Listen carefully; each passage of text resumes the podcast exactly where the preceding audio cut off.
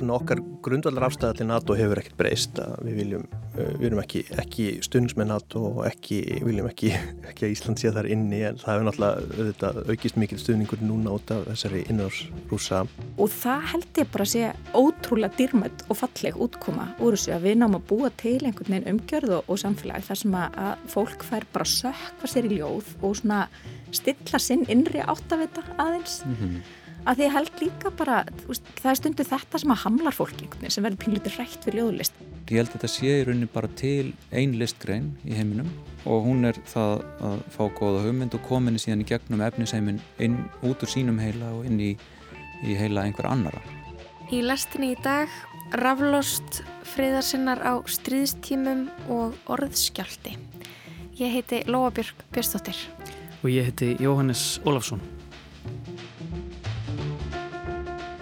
Við ræðum við formann hernaðarandstæðinga Guttorm Þorstensson en samtökinn standa fyrir mótmælum sem hófust í dag klukkan 5. Við veltum því fyrir okkur hvort afstafa samtakana til NATO hafi breyst í kjölfar innrásar Rúslands í Úkrænu. Já og Sunnadís Mástóttir og Sölvi Haldorsson koma og segja frá tveimun nýjum bókum Ég drekk blekið og vang við vang sem eru ljóðasöfn. Það besta á Íslandi, í Svíþjóð og í Damörku 2020 og 2021 að mati ungra ljóða unnenda á Norðalöndum. Markmið orðskjálta er að hvetja ungt fólk til að taka virkan þátt í bókmyndalífinu og nýta bókmyndir og riðlist til tjáningar. Raflistaháttíðin Raflost verður haldin í 17. sinnum helgina. Raflistamæðurinn Áki Áskirsson, einn stopnanda háttíðarinnar, er gestur okkar í dag. Við heyrum um dagskrá háttíðarinnar, sögu hennar og við ræðum raflist í víðara samhengi, stöðu listgreinarinnar í listaháskólanum og skapandi hakkara. En við ætlum að byrja á því að ræða við friðarsinna á stríðstímum. Eins og mörgum er eflust orðið ljóst verður leiðtófundur Evrópuráðsins settur í dag. Samtök hernaðarandstæðinga hafa búið til fundar eða mótmala í norðvesturgarði Reykjavíkurhafnar við þúfuna listaverk Ólafar Nordal og ætla má að þau séu þá í fullum gangi þegar þetta viðtala sendt út. Hingað í lestina er komin formaður samtaka hernaðarandstæðinga Guttormur Þorstensson. Verður velkomin. Takk. Hverjar eh, eru kröfunar í dag? Hverja á vekja aðtegli á? Við erum svona kannski bara helst að nota tækifæri þegar allir, næstum því allir leiðtór Európu koma að svona bara ítrekka kröfuna um frið og að þjóðleiðtór Európu og ríkistjóknir beiti sér kröftugar fyrir friði og, og fyrir samningaviðræðum í Úkrænustriðinu. Mm. Þannig að það megir svona uh, bara stoppa þessar blóðsúttellingar sem er í gangi og aðeins að svona aðeins að vekja aðtikli á því mm. Það verðist ríkja yfir mikil stuðningur almennt við NATO þann 4. apríl gekk Finnland formulega inn í Allandshafs bandalæð Svíjar býða enn eftir ingöngu NATO er að stækka þjóðir er að, er senda Úkrænu herrgögn um, Eh, hver er afstafa freða svona kakvart því? Eða, eða þjóður að hætta að hjálpa Úkræni í stríðinu? Er, er NATO ekki mikilvægt í, í því að koma á freði í Úkrænu? Sko svona okkar grundvallar afstafa til NATO hefur ekkert breyst. Við viljum, eh, við erum ekki, ekki stunds með NATO og ekki, viljum ekki, ekki að Ísland sé þar inni en það hefur náttúrulega aukist mikil stuðningur núna út af þessari innráðsrúsa En við svo sem líka minnum bara á það að, að NATO hefur náttúrulega líka tekið þátt í alls öðrum hernaðagirum utan landamæra Európu. Þetta er ekki bara varnabandalag sem er verið að gangi inn í. Það var það kannski svona eh, meira á tímum kaldastriðsins en nú hefur við, eh, nú er, eru til dæmis finnar akkurat að gangi inn í bandalag sem hefur skipt sér af í, í Afganistan og í Líbíu og, og svo leiðis og en þó það sé náttúrulega kannski skiljalegt að, að það sé svona einhver meiri ótti sérstaklega á þessum löndum sem eru með landamæri við Rúsland þá, þá held ég að það sé nú samt í rauninni engin, engin bein og, og ógn sem að ég held að rúsar eru nú þegar náttúrulega mjög greinlega uppteknir í Ukræn og hefur ekki, ekki kannski gengið sérlega vel að, að, að ná öllum sínu markmiðum þar mm. þannig að ég held að svona hernaðlega ógnin sem stafar að okkur og Norðurlandunum sé stórlega íkt í þessu og mér finnst það svolítið leðilegt að það sé verið að nýta þetta sem svona kannski réttlætingu fyrir aukinni vývæðingu hérna á norðurslóðum. Mm. En eru er skiptar skoðanir á NATO innan þessar samtaka hernaðarandstæðinga svona eitthvað neina í ljósi, kannski í ljósi stríðsins núna? Nei, ég held það sé nú eiginlega allir sem eru allavega ennþá í samtökunum séu hérna á móti NATO.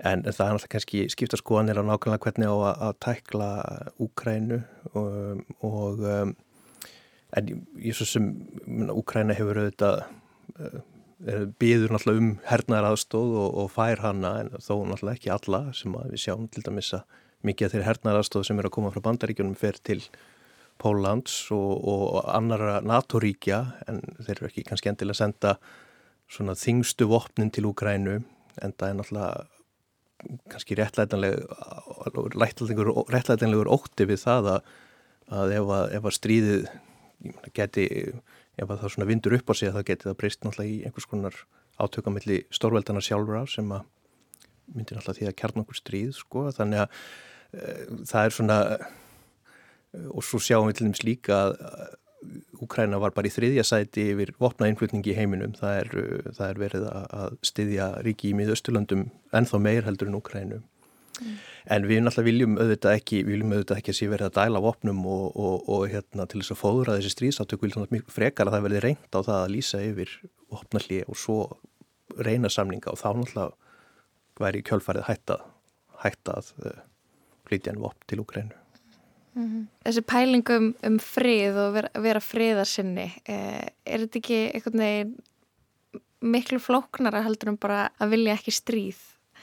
Jú, auðvitað er þetta ekki alveg, herrlimis, það er svona, það er auðvitað því það að maður sé friðarsinni kannski ekki alltaf að maður drægi einhvern veginn bara uh, setja alla í öfnu og, og auðvitað eru sömur sem að til dæmis eh, oft hefur til dæmis verið í tengslu við eh, okkar samtöku friðabaróttu kannski stuðningur við akkurat þá sem er að hérna, berjast gegn einhver svona ofurafli og, og sjáum til dæmis í, í hérna Ísrael og Palestínu deilun og eitthvað svo leið sko, það, það, það er einhvern veginn ekki kannski hægt að leggja það í öfnu þegar það er svona mikill uh, vald, svona aflsmunur mm.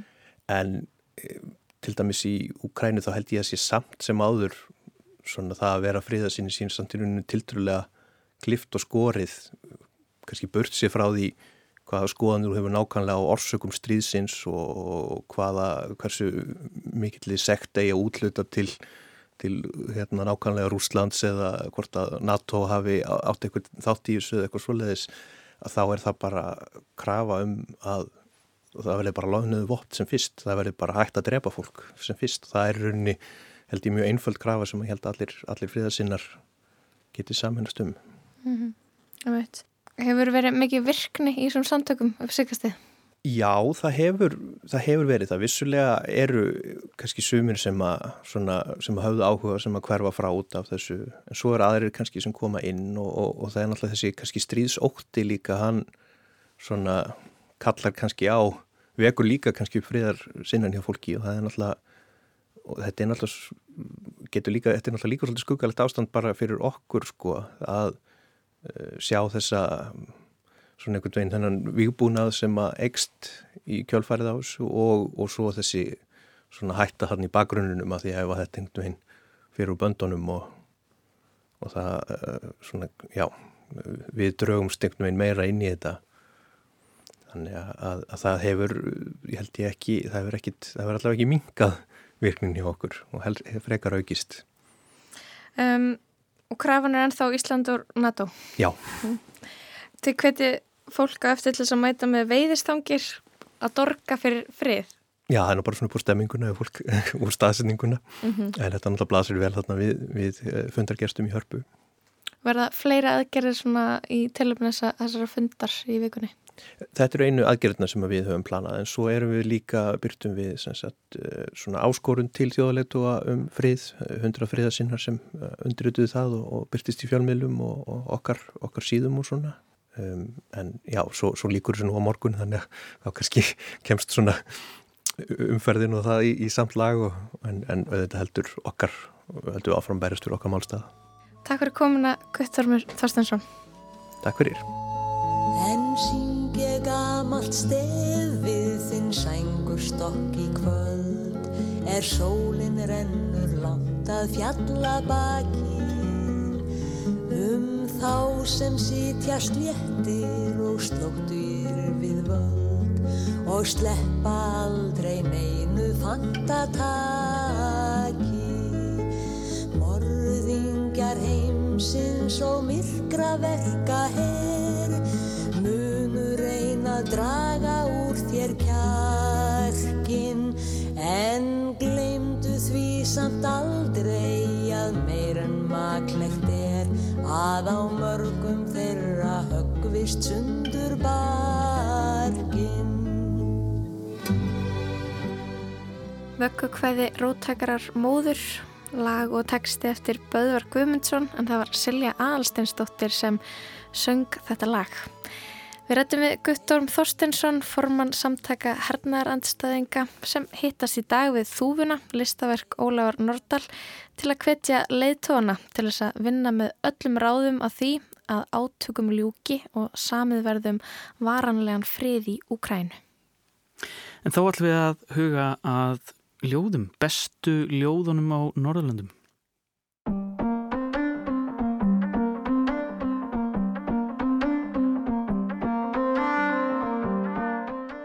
Ég drekk blekið og vang við vang heita bækur þar sem að finna má valda norræna ljóðlist frá árunum 2020 og 2021.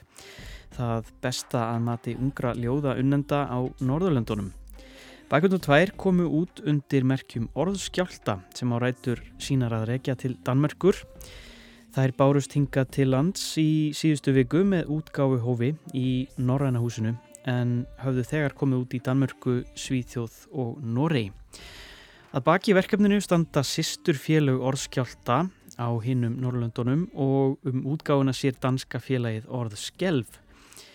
Og hér hjá mér eru góðir gestir sem komu að útgáfu íslenska hlutans í, í þessum tveimur bókum. Það er Sölvi Haldursson sem satt í reittstjórn uh, fyrri bókarinnar og uh, á sjálfur ljóð í þeirri setni og Sunna Dís Mástóttir, verkefnastjóri orðskjálta á Íslandi. Verðið velkomin. Takk fyrir. Takk. Sko, mér langar svolítið til að byrja með að spyrja ykkur út í orðskjálta og Mhm. vita hvað þetta fyrirbæri er og hvernig þetta byrjaði allt saman.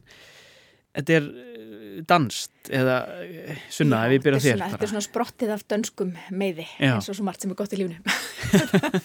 Nei, þetta byrjaði í rauninni þannig að árið 2016 þá hérna, komst ég í kynni við þessi dönsku samtök Ótskelf. E, þá stóðu þau fyrir svona norrænu verkefni þar sem við unnum með ungmennum á öllum Norðurlöndunum sem voru þá að skrifa sko, um sína persónlegu reynslu af því að alast upp í fátækt á Norðurlöndunum þar sem er nú svona almennt kannski ekki tala mikið um fátækt eða já, en þetta var svona verkefni til þess að þess að gefa þeim færi á að segja sínar sögur og deila sinni reynslu og styrta ráðhverja nefndinni og svona. Það voru ljóð.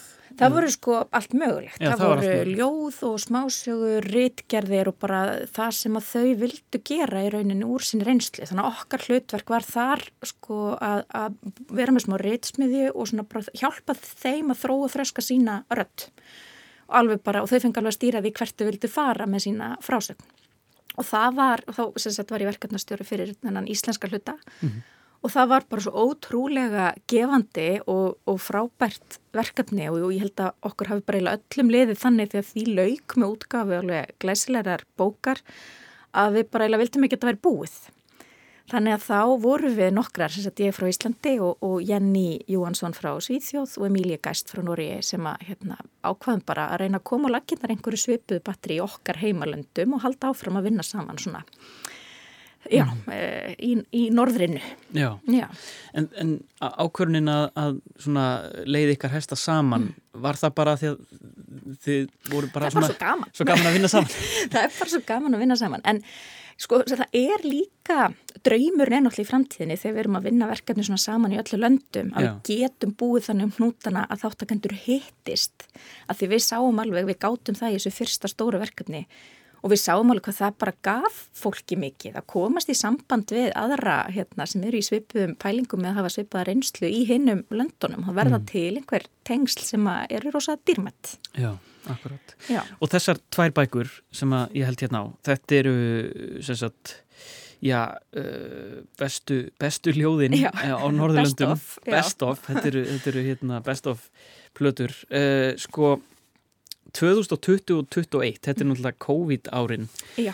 og uh, þarna eru mjög mörgljóð Já. og frá, frá mjög mörgum röttum uh, Sölvi, bara uh, sko ef við lítum á, á bókina þar sem þú varst í reittstjórn mm -hmm. er þetta ekki reysastórt verkefni, ég meina velja bestu ljóð Jú, heil, Þetta er náttúrulega bara stórt og, og skemmtilegt verkefni, við vorum í svona þrjá fjóra mánuði frá því heitumst fyrst og heitumst reglulega vorum alltaf bara að fengum bara góðan lista á landsbókarsafnun yfir allt öll ljóð sem kom út ára 2020 og vorum fimm, fjögur eða fimm og þannig að fórum bara skipilega yfir þetta og, og stundum ekki skipilega, þetta er alltaf svona mm -hmm. insights um, og hann að, já, þá fengið að kannski fleirin eitlas, einhverja bækur og einhverjir nýftast öðrum og svo líka partur af þess að segja svo fann ég hérna, eitt í són eða svo einhvern veginn hérna og þaðan. Þannig að, og, og já, líka daldi bara í samtalinu og hittast aftur og sína og koma aftur að og, og hvað svona heldur velli líka næstu við hittumst og hvað kannski glimtist og... og þetta hljómar eins og svolítið svona, svona óyfirstíganlegt verkefni einhvern veginn að, að ráðast í þetta. Hvernig, hvernig voru þessir fundir? voru þetta bara svona eins og geggjaður bókaklúpur eða var, var mikið tekist á voru þið bara í, í fengið ykkur kaffi og svo bara fóruð þið yfir listan og lásuð upp ljóð og hvernig var þetta? Uh, já, það var rauninni bara það sem ég hef búin að vera að lesa mm -hmm. og maður mætti með og rauninni þetta er náttúrulega rosalega mikið af uh, ljóðum en þetta verið með þetta góða þema að velja bara það besta þannig þá einhvern veginn var það er líka það eða maður finnur þegar eitthvað grípur mann og þegar eitthvað kemur kannski öðrum lestri og svoleiðis og þetta voru líka í rauninni bara okkar reytstjórn, við vorum að þá er þeim að þetta er þetta aldursbyll mm. -hmm. 18 til 25 bara eða eitthvað Já, þeir voru svona stvíregjaldi já. já, þannig að uh, það var það líka einhvern veginn. Þetta voru, um, já, þetta er henni bara okkar verkefni og verið, þetta var okkar fórsendum daldi, þannig að En skáldin eru á öllum aldrei, þetta er bara allt sem kom út. Já, allt sem kom út, sko, allt bara frá um, já, skólablaðið MH og upp í tímarmálsmenningar eða útgefni lífabækur eða sjálfsútgáfu og Já Við reyndum hvað við gátum að hafa bara upp á öllu. Það voru mjög myndarleir bókastaflar á þessum fundum. Já, ég, ég ekki trúa því. En hvernig uh, voru eitthvað mikil samskipti milli rittstjórn, það ég gerir ráð fyrir að hafa verið svambærlega rittstjórnir mm -hmm. úti í, í, í Svíþjóð og Noregi. Mm -hmm. hvernig, hvernig voru samskiptin hérna á milli?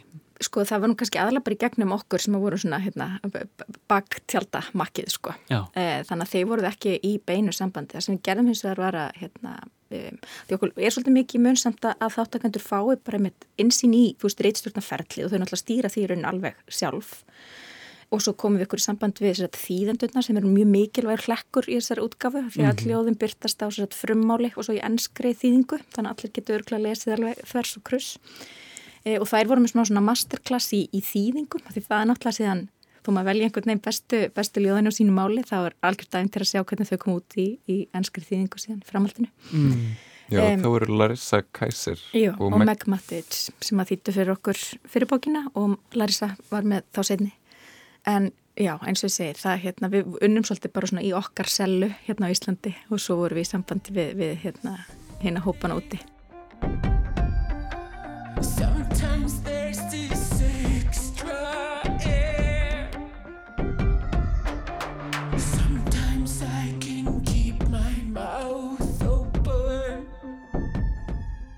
sko markmiðið með svona uh, samantækt mm -hmm. uh, og stimpla eitthvað sem best eða svona, þú veist segja hér, hér er, hér er jóminn uh, hvað er markmiðið með þessu? Ég meina þetta eru þetta er vantilega eitthvað sem að myndi halda áfram Já, uh, það er nú drömmurinn sko þetta, þetta verði, þannig séri að bara sem tegir yfir einhvern áratöðu ekki meira Og hvað er svona ykkar markmið sko, þetta, þessi, þessi besti stimpill er náttúrulega svona pínu fyndin líka. En það sem hérna, ég var út í Danmörkum daginn og hitti þá fá að þáttakandur í dansku smiðinu sem eru byrjuð að lesa núna fyrir næstu útgáfi og þar sagði önnur þeirra eitthvað sem ég bara svona greipa loftu og hugsaði bara já, ef þetta er útkoman þá er það bara nákvæmlega það sem að hérna, ég vil. E, og hún sagði bara þetta ferli, einhvern veginn kennir mér sem ljóði lesanda að treysta mínu innsæði, þú veist, og treysta mínum skilningi á ljóðum og hvað mér finnst gott og hvað ekki e, og standa með því.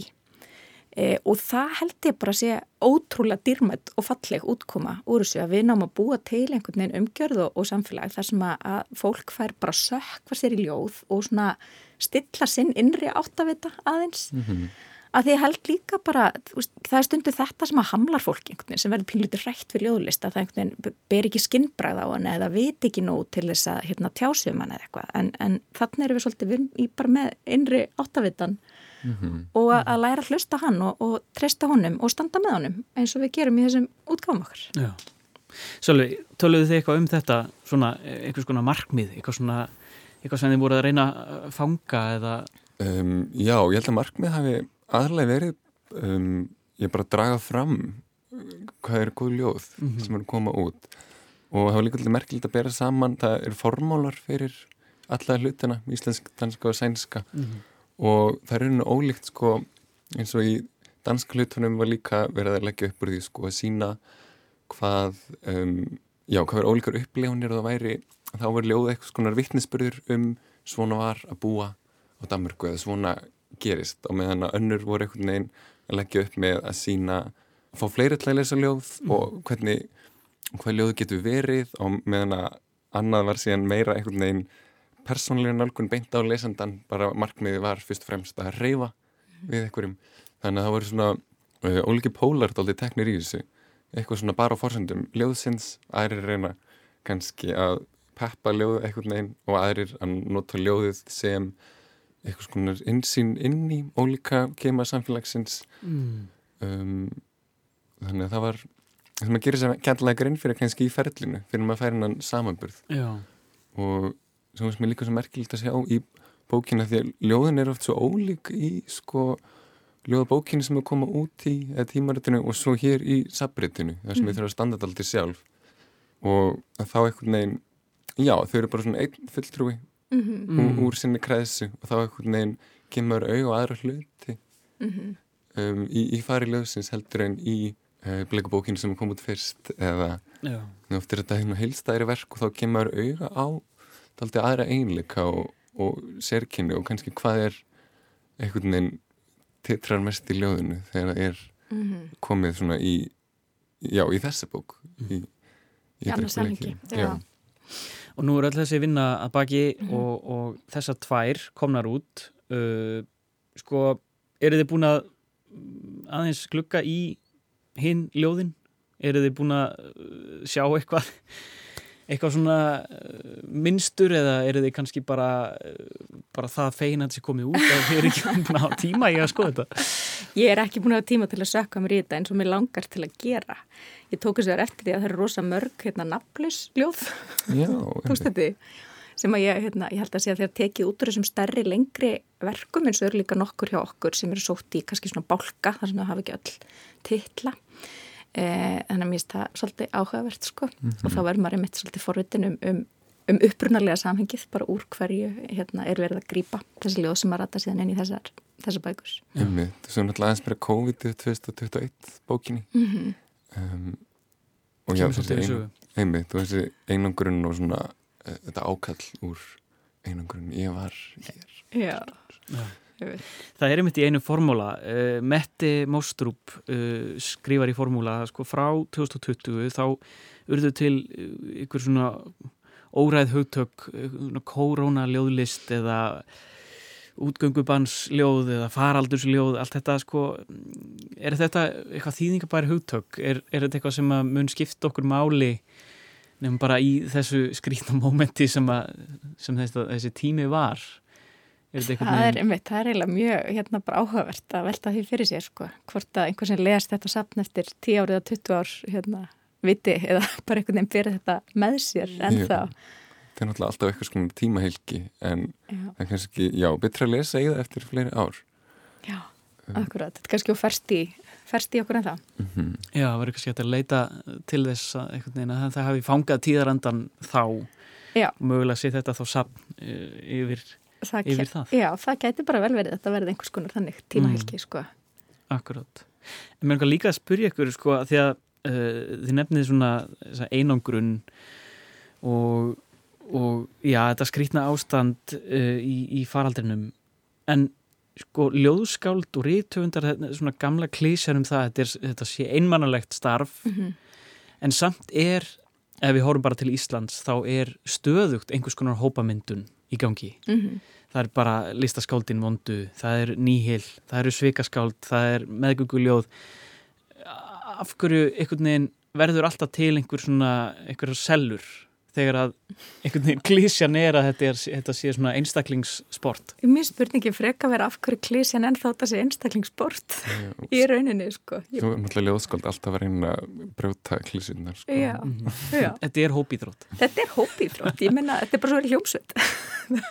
Og þú getur alveg verið sólóist og líka verið hljómsveit sko. Já, akkurat Nei, ég held að það sé bara, hérna, en alltaf aftur og aftur það bara er, getur verið útrúlega gaman að vinna í hóp með einhverjum sem að, hérna, er á sem er bylgjulengt í því sem man, maður er að skrifa eða að skapa mm -hmm.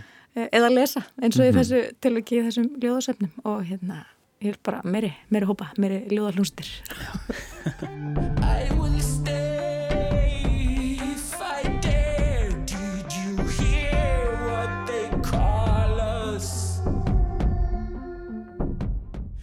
í þessu, við lítum bara aftur á, á íslenska hlutan í, í þessum tveimur bókum um, þið hafið ekkert eitthvað svona séð eitthvað sem að sko, við rættum hérna um eitthvað svona COVID-ljóð en um, það er ekkert svona eitthvað fleira sem þið hafið séð svona eftir á eitthvað, eitthvað þráð í gegn Það var ekki einhvern veginn thematísk nálgun í, í okkar lestri eða ykkar lestri og ykkar reittstjórnarferli sko. Já, einmitt. Þannig ég held að það sé frekar einmitt eitthvað sem að bara... Og kannski líka daldi svona, að því að maður er meðtörum að maður setur saman sapn sem á að dekka eitthvað svona alla ljóðabóku útgáðu og þá einhvern veginn var líka einhvern veginn að kannski líka hugmyndin að stilla upp virðingunni á móti grettunni og síðan hafa svona daldi breytt í þessu líka. Mm og kannski, og, og þá er veilitnin einhvern veginn að sína að það er hægt að skrifa frábæri ljóð sem eru gjör ólík hvert öðru mm.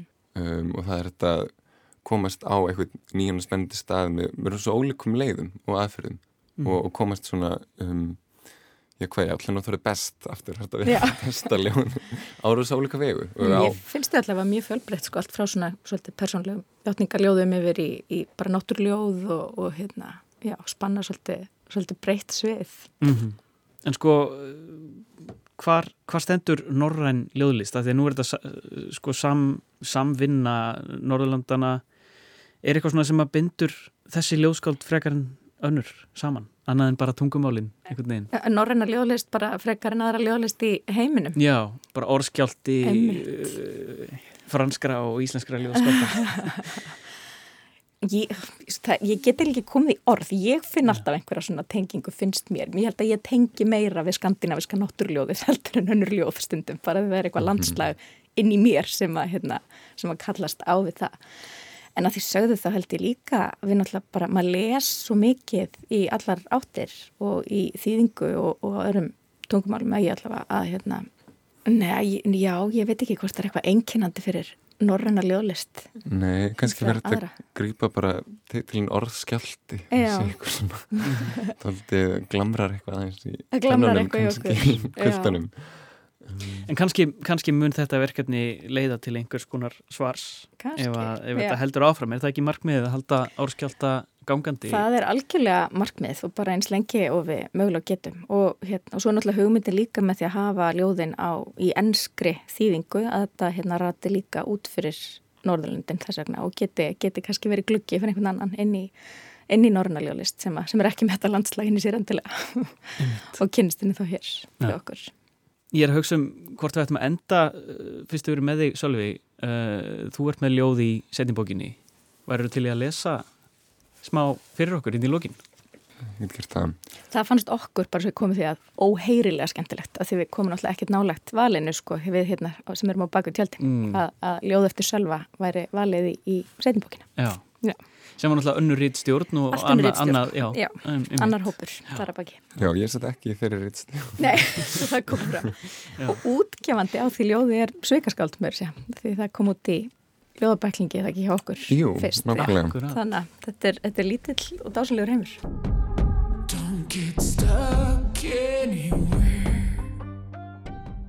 Guligaldur Heyrðu mig nú. Það er engin tökkur í þér. Það er engin tökkur í þér.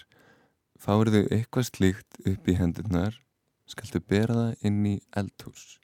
Setja vatn yfir hellu láta suðuna koma upp og sleppa öllu saman ofan í. Horða á það bresta. Hlustaði á það bresta.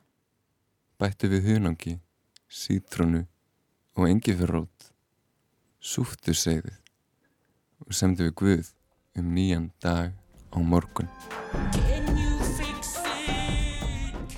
Orðskjálti við bara fylgjumst bent með þessu flotta samnorræna ljóða úrvalsverkefni þetta er alveg, Þjált að því. en þetta er dásanlega skemmtilegt og gefur já, góða yfirsýn yfir það sem er í gangi. Og vonum bara að þetta haldi áfram sem lengst. Já. Sunnandi Smástóttir og Sölvi Haldursson, takk hjálpa fyrir komuna. Takk fyrir okkur. Takk fyrir okkur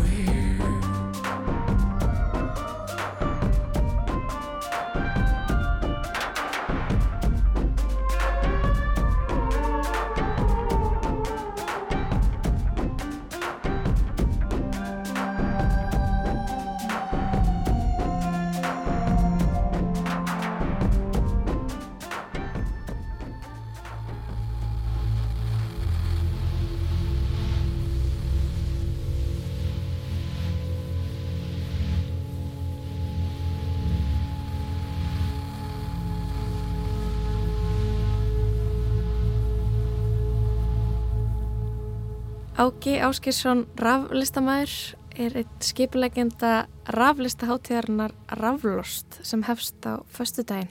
Þetta er háttíð sem hefur verið haldinn síðan 2007. Verstu velkomin Ági. Já, takk fyrir. Hverju má fólk búast við á Raflosti um helgina? Hvað er að fara að eiga sér stað?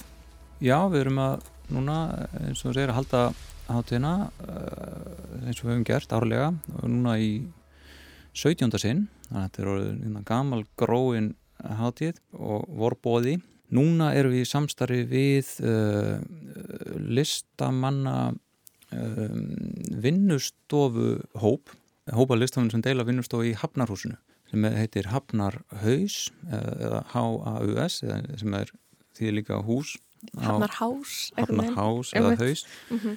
Og, og er sagt, á efri hæðunum í Hafnarhúsinu þar sem voru ráðuneyti og skrifstofur. En eru núna svona smátt og smátt að umbreytast yfir í, yfir í menningar og lista miðstöð má segja því að þegar að margir listamenn uh, koma saman þá verður alls, verða til alls konar samstörf og, og samvinna. Og raunni hátíðin já, raunni taka þátt í þeirri gerjun sem er svona eiga sér stað fólk má búast við tónlist, myndlist, einsendingum, vídeo uh, og hinn og þessu sem tengist sko rafrænum miðlum og list og svona nýrri nýjum listgreinum, getur við sagt. Mm Það eru uh, margir listamenn sem taka þátt í ár og, og kannski allstar að úr heiminum. Æ, Þetta er ekki bara Íslendingar sem að er að sína á hátíðinni. Nei, það eru, það eru fjölmargir uh, af Erlendubergi brotnir, um, nýjir íslendingar sem að búa kannski í Reykjavík og, og eru með vinnustofu í húsinu og síðan aðri sem eru, eru hérna, búin að læra á Íslandi ílengjast. Og ég myndi segja að, að sko, nýsköpun í, í listum tengist náttúrulega uh, fjöl menningar áhrifum og, og svona tímabil í bara Íslandsögunni eru uh, eru svona sterkust þegar að er hvað mest blöndun ég bara minna á bara landnámsöld og, og, og gullöld bókmenta og, og, svo og þetta, þetta, ég held að þetta sé bara í, í réttu hlutvalli við, við um, svona, já, blöndun og skörun og samslátt og núans og allt sem að við erum að upplifa í dag.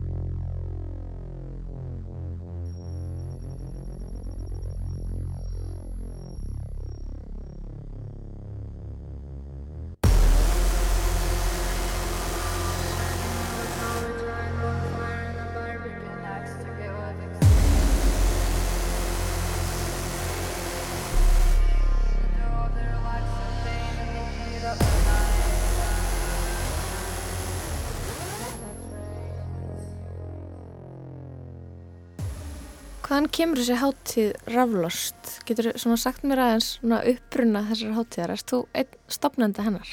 Já, þetta eins og ég var stopnað því herrans árið 2007 og þá var ég og Hilmar Þorðarsson sem byrjuðum og síðan hérna, Ríkarur Freyrsson, báður, eh, reyndar allir eru við mentaðir í, í uh, tónlist og raftónlist. Ég myndi segja að sko svona sögulega, mér, þetta er svolítið skemmtilegur aldur svona að hátíðin sé núna hérna hátíðin 17. sinn mér finnst það að vera meir en meir en ekki neitt og, og þá fyrir maður líka að horfa tilbaka og sér ákveðin mun. Ég myndi segja að mikið hugmyndum sem að voru í gangi eftir, eftir árið 2000 er alveg ennþá uh, mjög gildar í dag og sömulegis síð uh, hérna svo setnilega tíund áratugurins þá, þá var mjög mikil áhersla á tölfur og tækni en aðeins, aðeins annan hátt og, og, og ég benda á kannski eitthvað eins og til dæmis síndarveruleikin var, var mjög vinsæl uh, 96, 7, 8 og, og síðan náttúrulega sko, og internetið og allir kannast við hérna kannski internetbóluna sem að sprakk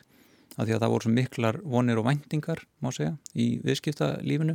En, en kannski bólan sprakk ekkert internetið heldur áfram og tæknin er einhvern veginn þess aðlis að, að hún svona að sko hugmyndin að lifa lifa mjög lengi og, og umræða til þess í dag um, um gerfigreind og annars líkt eru er í rauninni hluta mjög lungu hérna, langri þróun sem, mm -hmm. að, sem að gerist mjög hægt en, en svona dúkar upp á yfirborðið og, og verður hérna, svona almennt eða vinsveld eða, eða hérna, stundum út fyrir mismundu sviði, stundum er eitthvað inn á tilrunarstofum eða inn í, í háskóla greinum í, og hérna reittgerðum og svona í ákveðin tíma svo dúkar það upp í einhverju, einhverju kannski kveikmyndasammingi eða, eða já, sem vinsalli umræðu ég myndi segja að vísindin og listin heldur áfram venjulega mjög hægt mm -hmm. og mhm. þróun í, í tölvu tónlist, tölvu myndlist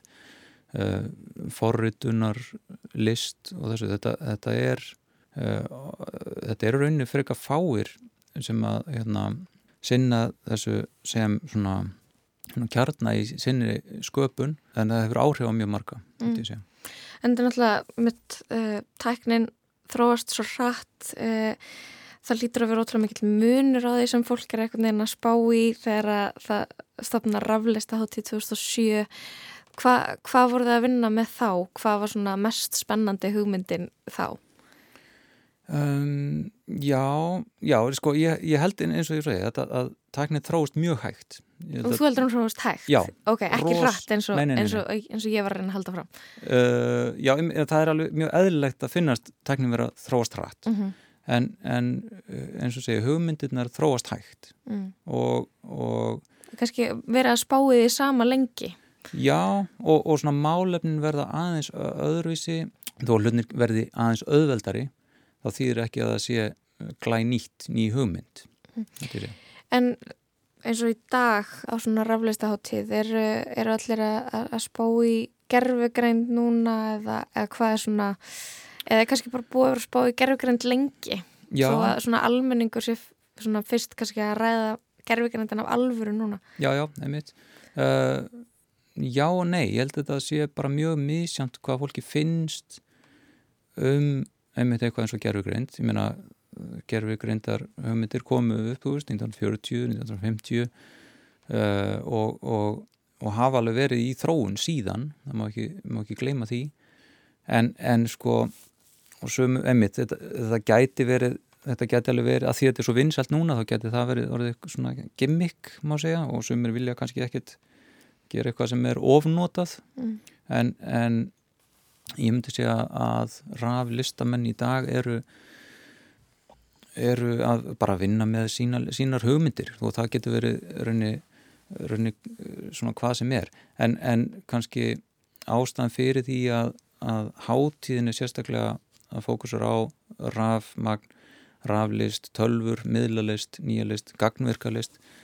Það er eitthvað sem að tölvan getur gert sem að, sem að fólk og ímsir aðri hlutir geta ekki gert. Sem, sem er sko eins og að gera eitthvað rætt, gera eitthvað oft, e, telja hérna, og, og reikna. Þannig að þetta er rauninni önnur tegund af dýri sem að við erum bara svona að vennjast. En þá hvernig hvernig við vinnum með, með þessa tækni. Það hefur mikil áhrif á, á sköpunina, myndi ég segja. Og, og eitt af því er að, að er eitthvað eins og samrunni listgreina eða er runni leiðrétting á þessari villu að það sé til eitthvað sem heitir tónlist, annað en, en myndlist og, og hérna og fleiri listgreinar. Ég held að þetta sé í rauninni bara til ein listgrein í heiminum og hún er það að fá góða hugmynd og kominni síðan í gegnum efniseimin inn út úr sínum heila og inn í, í heila einhver annara og, og uh, tölvan er alveg kjörin í, að, í þetta verkefni út af því að maður, hún er óháð uh, að get, maður getur fundið og búið til nýjar leiðir gegnum efniseimin með tölvunni. Þannig að hún er mm, temmilega óhlutbundin eins og hugsannar okkar. Þannig að, þannig að leiðin svona eins og segi, hvort, tæknin er oft mjög svipuð og forritin uh, mjög svipuð, hvort sem er að vinna með vídeo, hérna, myndlist, prent eða tónlist eða, eða ljóð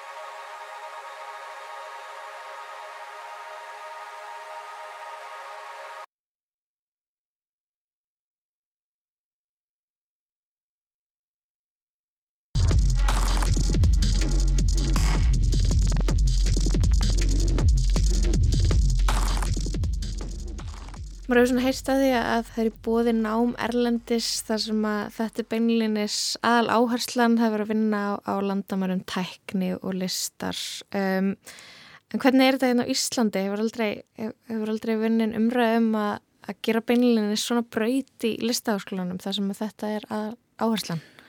Uh, jú, það hefur í rauninni sko myndi ég að segja að listaháskólinn hafi verið með þetta hátt á markmiðu sínu þegar hann var stopnaður af því að þá var, voru aðstæðar þannig að það voru mismöndi skólar.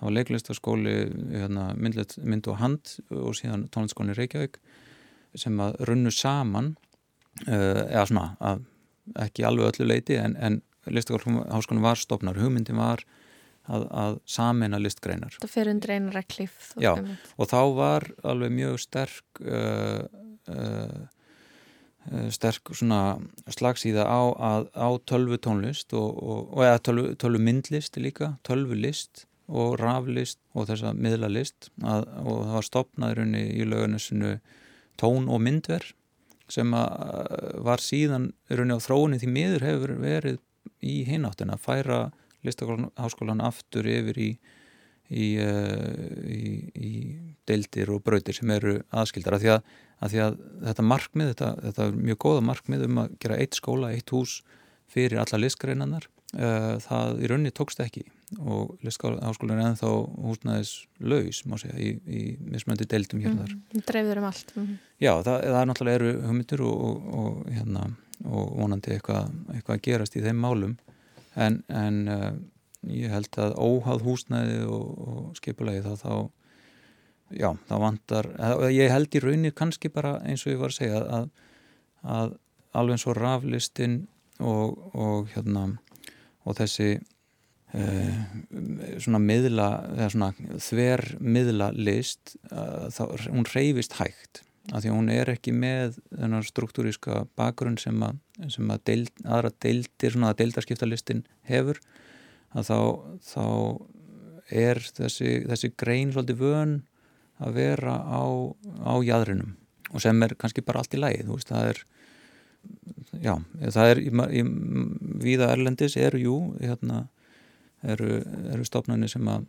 og emitt ofta á í tengslum við tækni og tölfur list, uh, vísindi og, og hérna og miðla, uh, miðla list sem að, sem að samina þetta en það er ekki hér að kannski ég veit ekki hvort landið er of lítið reynlega í það eða hvað það... En svo kemur þessi háttíð og ég menna það eru auðvitað fullt af af, af, af fólki og, og nefndum í listaháskólan sem að eru að vinna með þetta þó þessi ekki beinilins á eitthvað raflista braut og þá tekur þessi hátíð svolítið við. Fólk getur eh, sínt það sem það er að, að spá í þarna og komið saman í ykkur svona senu. Já, já, og það er runni sko, eh, þetta, þessi hátíð er vettvangur fyrir uh, listamenn sem eru kannski í hverju sínu hotni en eru að gera eitthvað sem er oft svona, nær sameilegum markmiðum, myndi ég segja. Mm. Sko, uh, út af því ég, ég vil næðins vera að skoða dagskrana og gaman að rekast á, á fyrirbæri hakkara. Mm -hmm. uh, meist, eitthvað fara minna fyrir hökkurum í menningunni heldur en svona kvikmyndir og sjónastættir tíunda áratöður eins voru búin að búa með undir. Um, eru hakkarar að taka þátt á raflust í ár? Og hvað gera hakkarar á, á raflista háttíð? Mm sko, þetta er náttúrulega ég, hakkarar og það að hakka tölvuforrið er nú mjög gömul yðja og, og fólk byrjaði mjög snemma í, í, í hérna 1970 og 80 að hakka. Þetta hefur fengið svolítið neikvað hérna, neikvað mynd, oft eru tölvu hakkarar eins og núna til dæmis í þessum tölvu orðum liggur vefsíða alþingis niður út af tölvu hakkurum uh, Kallar tölvu þrjótar kannski? Ja, tölvu þrjótum emitt frekar sem, en það er hægt að hakka eitthvað í, í, í vásum tilgangi. En, en það að, að hakka eitthvað saman uh, sundur og saman það er, það er bara, getur verið mjög skemmtilegt. Allir, þetta er svona svipað eins og eins og munurinn á, á fólki sem að hérna, tekur vekjarklökunni sín í sundur og reynir þetta saman aftur og, eða þá þeim sem að gera það ekki Og Ég, hafið þið verið með marga hakkara á, á rálost? Og hvað hafa þessar hakkarar verið að gera? Þeir eru bara að hakka, mm. hitt og þetta. Sko, hérna, við höfum reynda verið manni, í samstarfi við til dæmis uh, það sem er kallað hackerspace á ennsku, en á, Íslandi er til hakkarafélag sem heitir Hakkavélinn og er svona nýlega endur reist en, en var nokkuð aktíft fyrir, fyrir nokkur árum.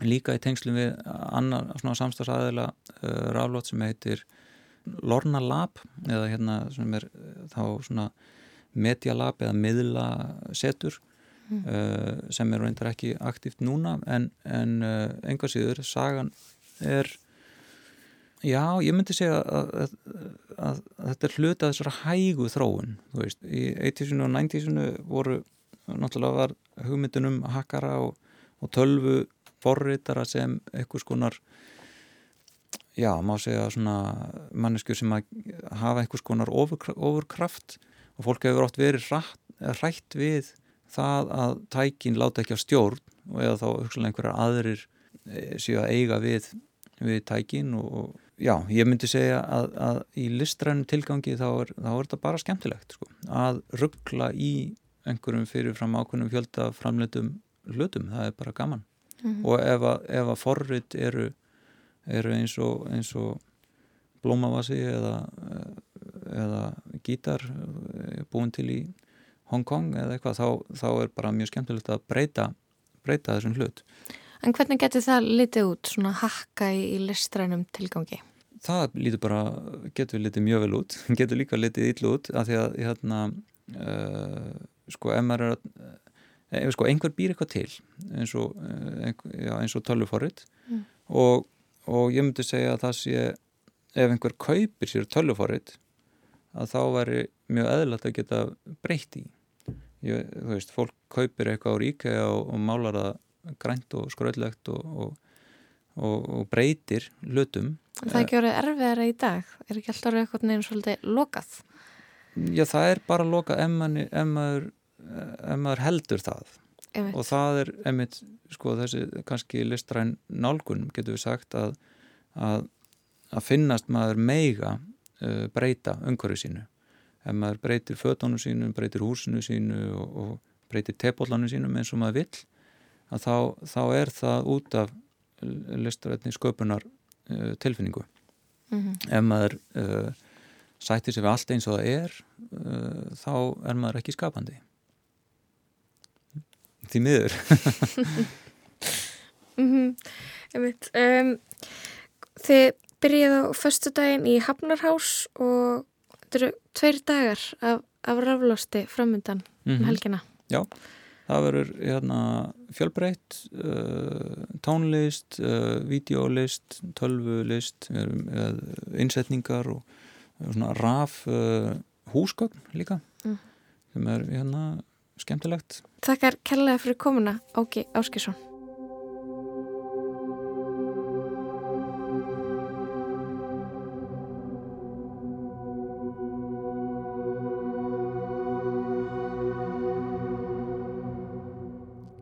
Lægið G og D með listabannunum Kurt Uanala og Dave Gahan úr Deepheads Mode.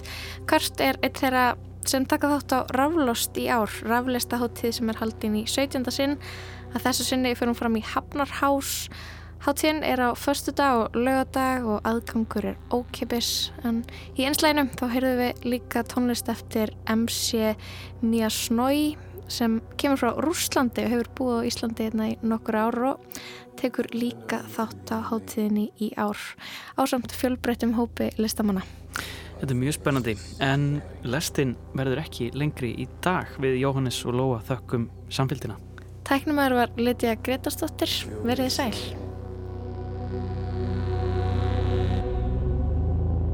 Could be too late